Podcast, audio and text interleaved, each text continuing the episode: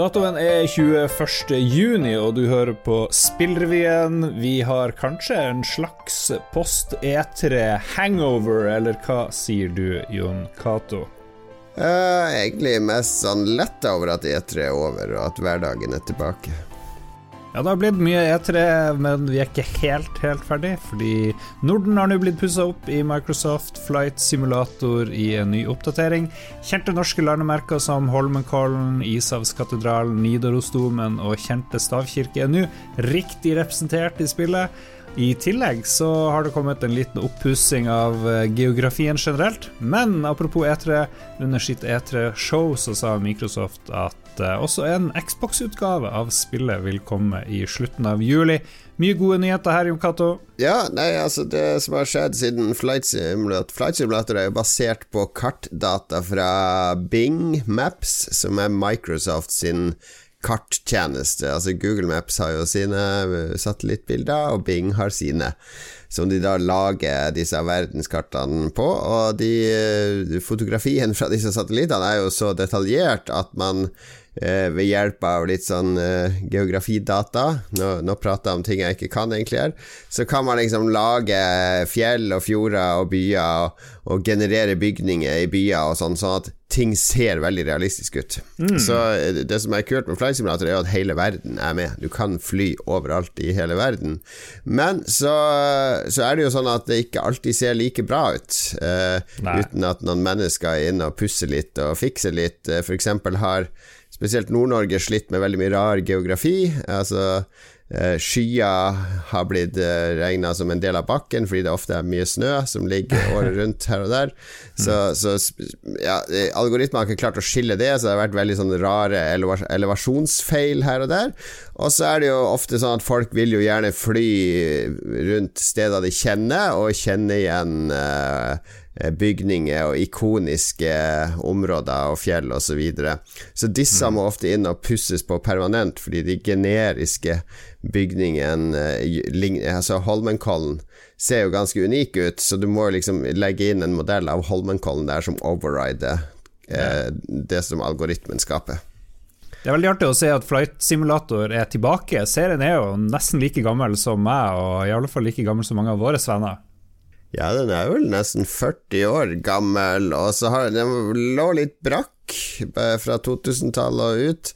Eh, det, det, ble litt sånn mindre moddemiljø, og så kom andre simulatorer og liksom tok over for de hardcore simulatorspillerne. Men det den nye Flight Simulator har gjort, er jo å gjøre Flight Simulator litt sånn tilgjengelig. Det har gjort veldig bra innsalg, fordi grafikken er helt fantastisk. Ja. Altså Hvis du flyr i litt høyde, og du kan kjenne deg igjen, og det er lys og hav og skyer og sol og bakke ser bra ut.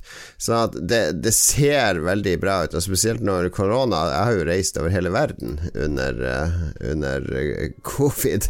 Takket være flight simulator har ja. jeg vært overalt. Ja, for det er jo det perfekte covid-koronaspillet. Ja, det er det på mange måter. Så er det jo, men det er jo også et litt sånn krevende spill. Det krever ganske mye på PC rent sånn maskinvaremessig, men det krever òg noe av det som spiller, fordi det er jo ikke noe mål i spillet, egentlig, bortsett fra å ta av med et fly og fly rundt omkring, og så lande igjen.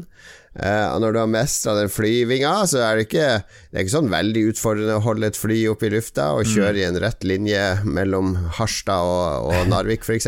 ja, hva er appellen da for så mange som er vant til poeng og missions og alt mulig. Nei, appellen er For noen så er appellen det der med å mestre de tekniske aspektene ved å fly. Altså sette alt på realistisk, og, og vite hva alle knapper og knotter gjør, og hvordan du skal respondere, og hvorfor du må ha på de og de bryterne. Eh, og så er det en videre appell med å mestre autopilot og kunne programmere sånne ting, eller å fly store rutefly, akkurat sånn som de gjør i virkeligheten. Eh, altså er Det siste appellen er jo den innlevelsen. Det er jo et spill der du får veldig mye tilbake, avhengig av hva du putter i det. Så hvis du spiller det med en Xbox-kontroller, Så det fungerer, men det, det, er mye For meg så er det jo mye handler det mye om å sette opp eh, en sånn yoke og throttle og ha pedaler, rudder-pedaler og sånne ting. Og det er liksom å være i cockpiten og trykke på fysiske brytere og føle at det er sånn én-til-én mellom eh, eh, det jeg tar på og holder, og tilstedeværelsen min i den spillverdenen. Jeg er jo litt gira, fordi jeg tror ikke min PC er så bra at uh, Flight Simulator funker helt supert, men jeg har en flunkende ny Xbox Series X og tenker juhu, det her er bra. Men så kom også nyheten om at det blir liksom ikke de store frame ratesen, og det er jo mange Xbox-fans opptatt av. Ja, det er de færreste på PC som får mer enn 40-50 frames i det spillet her uansett, og du flyr jo ikke akkurat uh Eh, Spitfires eller eh, F-16-fly. Nå kommer det jo en, en Top Gun-utvidelse til høsten ja. som kanskje vil eh, kreve litt bedre flyt. Men det er seigt å fly i utgangspunktet, så framerate er ikke det viktigste. Det viktigste er at den er stabil, ja. eh, fordi da får du en god illusjon. Eh, så om det er 100 frames eller 60 eller 30 akkurat i flight simulator, er det faktisk ikke overordna viktig. Ok, Men tror du, tror du Xbox og konsollfolket vil være interessert i det her? Jeg ser for meg de PC-spillerne de sitter med sine tilpassa kontrollere og liksom de har bestilt for tusenvis av kroner, sånn som du har gjort. ja, det kommer noe sånne til Xbox òg. Det så jeg rett i kjølvannet av annonseringa. Så det, det er noen som har en throttle og sånn til Xbox.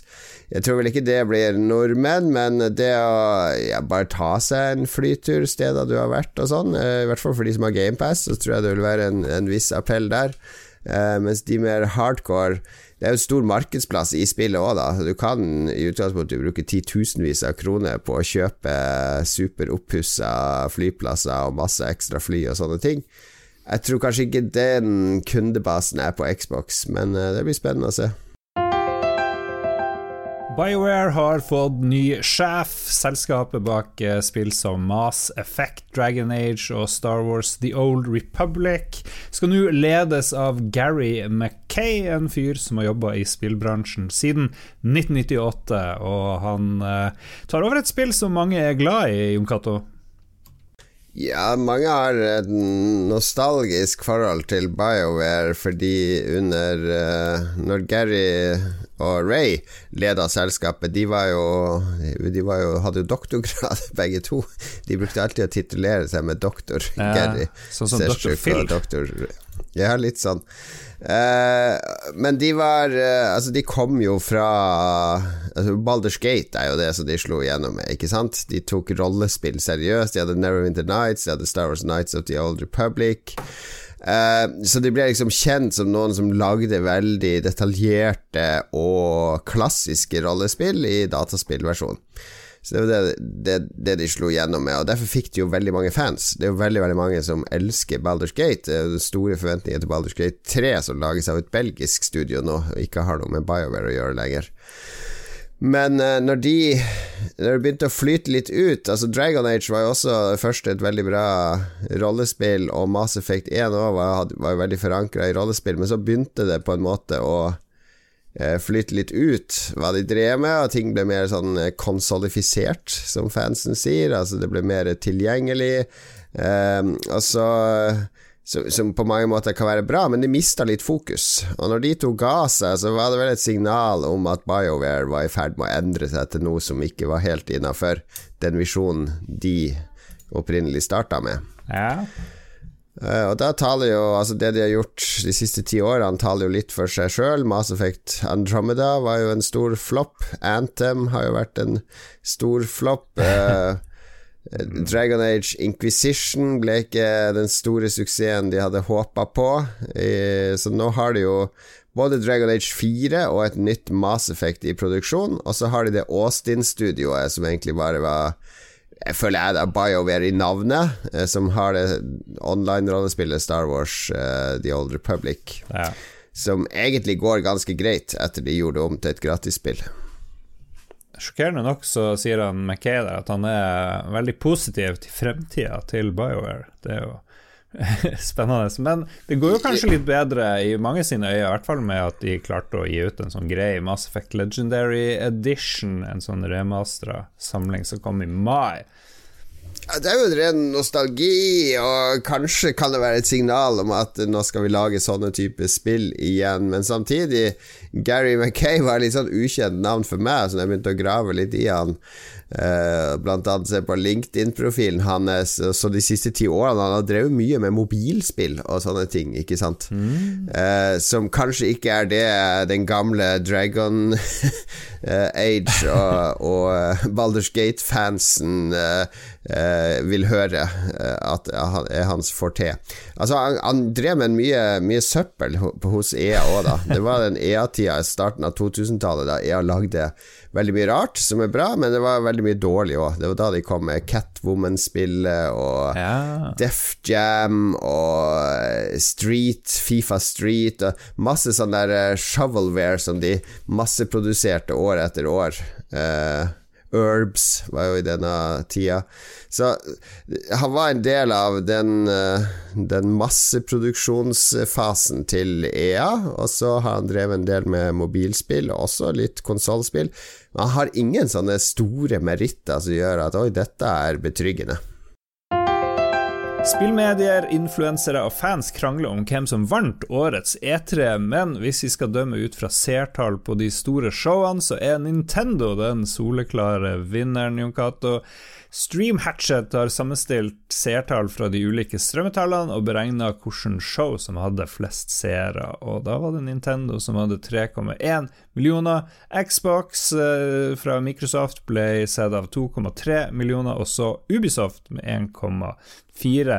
Hvorfor skal vi snakke om dette her, Jon Cato? Nei, det er jo det som er vinklinga rundt etere hvert år, er jo hvem som vinner. Hvem er vinneren, hva var det mest spennende, hva er det mest populære, osv. Og, så og eh, jeg syns jo det var litt oppsiktsvekkende at eh, Nintendo hadde flest seere på sitt show, ja. som egentlig var et ganske kort og konsist show, men også en del av de, Nintendo har jo etablert Nintendo Direct som sin måte å kommunisere eh, spillnyheter på. Altså De går ikke lenger til pressen med eksklusiver, eller uh, bruker tredjeparts eller influensere eller andre til å promotere sakene sine. De lager sitt eget profesjonelle show, som de har fire-fem ganger i året, og sier 'her er det oppdatering fra oss', dette kan du se fram til'. Ja. Uh, og de har lykkes med å få en following på det. Det er forutsigbart, og det er hyggelig, og det er inkluderende. Uh, Sony har jo på en måte kopiert de til en viss grad, og tenker Microsoft kommer til å følge etter. Her sto vel slaget kanskje egentlig mellom Nintendo og Xbox, siden Sony ikke var med, og så syns jeg det er artig å spekulere hva hvis Sony og PlayStation hadde kasta seg på lasset. Det som sies i bransjen, er jo at Tja, Xbox selger en tredjedel av det som Sony selger av konsoller. Ja, de siste Altså siden Xbox 360 så har det vært sånn. Uh, I hvert fall uh, i vårt om område av verden. Det har vært mer likt i UK og, og USA, f.eks. Det som Microsoft risikerer, er jo at alt handler om GamePass, og at du skal kunne strømme dette enorme spillbiblioteket på hvilken som helst hardware og så har du noen konsoller i bunnen. Og når alt handler om GamePass, så blir det kanskje fort litt sånn identitetsløst. Eh, det er som om Spotify skulle ha et show der nå skal vi fortelle deg hvilke artister du kan høre på frem mot jul, som kommer på Spotify. Uh, det appellerer kanskje ikke til de som er oppriktig musikkinteressert, men Sony de har en identitet. Ikke sant? De har noe som folk identifiserer seg med. PlayStation-spillere føler en tilhørighet til Branton i større grad enn Xbox-spillere, er min påstand da, og det gjelder enda mer for Nintendo-spillere. Jeg gleder meg til Sony skal ha sitt show. Jeg aner ikke når det kommer nå, men da skal jeg følge med, og så vil jeg vite om de har mer enn Nintendo sine 3,1 millioner seere.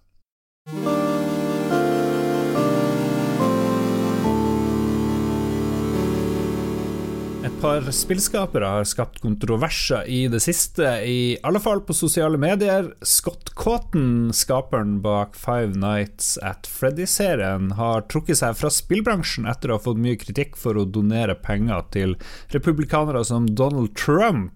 Det har også blitt retta kritikk mot det tsjekkiske studioet Wube Software, som står bak det svært populære byggespillet Faktorio. Det storma etter at de ba noen stikke cancel culturen sin opp i ræva, som igjen har resultert i mye kritiske meldinger på Twitter. Nå tror jo jeg at uh, krangler på Twitter har ikke så mye med skal vi kalle det den virkelige verden å gjøre. Eh, ja, nå har det vel eh, gått utover user reviews for Factorio òg. Det er jo the people's voice når de skal ta et standpunkt mot eh, kontroverser hos spillutviklere, er jo å legge igjen negative reviews enten på Metacritic eller eh, i, eh, eh, på Steam. Uh, nå er jeg inne her på butikken til Steam direkte og skal se om det har skjedd noe på sida til Factorio. Uh, Factorio koster 200 kroner. Også et kontroversielt spill fordi det er aldri på salg. De nekter å være på Steam-salg. Hmm. Så user reviews uh, De har gått fra overwhelmingly positive til very positive. De har altså gått ned her. Og vi ser nå de siste tre dagene har det vært uh, hele ja, det er over 70 negative reviews som har kommet inn de siste 70. dagene. Men også 366 positive, så det er en sånn motkultur som prøver å balansere det ut igjen. Ok, ja vel. De her Twitter-dramaene, er det noe som er greia til spillbransjen? Twitter-drama er jo overalt. Hele Twitter er jo drama, spør du meg. Men det er uh, Det er jo blitt en sånn holdningskrig uh, som rammer mye, eller rammer alle bransjer. Uh, det om, enten det gjelder skuespillere som har sagt noe kontroversielt eller dumt, som blir uh, f.eks. Det var vel ei som ikke fikk være med videre på Mandalorian pga. Uh, diverse dumme uttalelser hun har hatt, og, og politiske standpunkt. Hmm. Uh, at det er jo ikke spesielt for spillbransjen, men eh, det, kanskje, vi, kanskje, jeg merker det spesielt fordi jeg er i disse nerdebransjene. For, for meg virker det som det er veldig sterkt i disse nerdebransjene som vi opererer i. Ja. At det er veldig sterke meninger, og det er Uh, litt sånn enten-eller-kultur. Du er med oss eller mot oss. Ja, nei, jeg er jo på Twitter og så jo at det var en del folk i Norge også som har engasjert seg i det her. Ikke kjøp Faktorio lenger, det her må vi bare droppe, osv. Jeg finner det veldig vanskelig å skulle mene så veldig mye om det. Jeg har liksom aldri opplevd at det er noe sånn veldig mye cancel culture. Det er jo noen som påstår at det driver og ødelegger samfunnet, osv.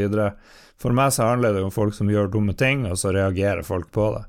Ja, altså det må, må, jo være lov å ta standpunkt. Eh, jeg kjenner jo flere som f.eks. boikotter varer fra Israel, som er et politisk standpunkt, fordi de mener at eh, de har tatt standpunkt i konflikten mellom Israel og Palestina.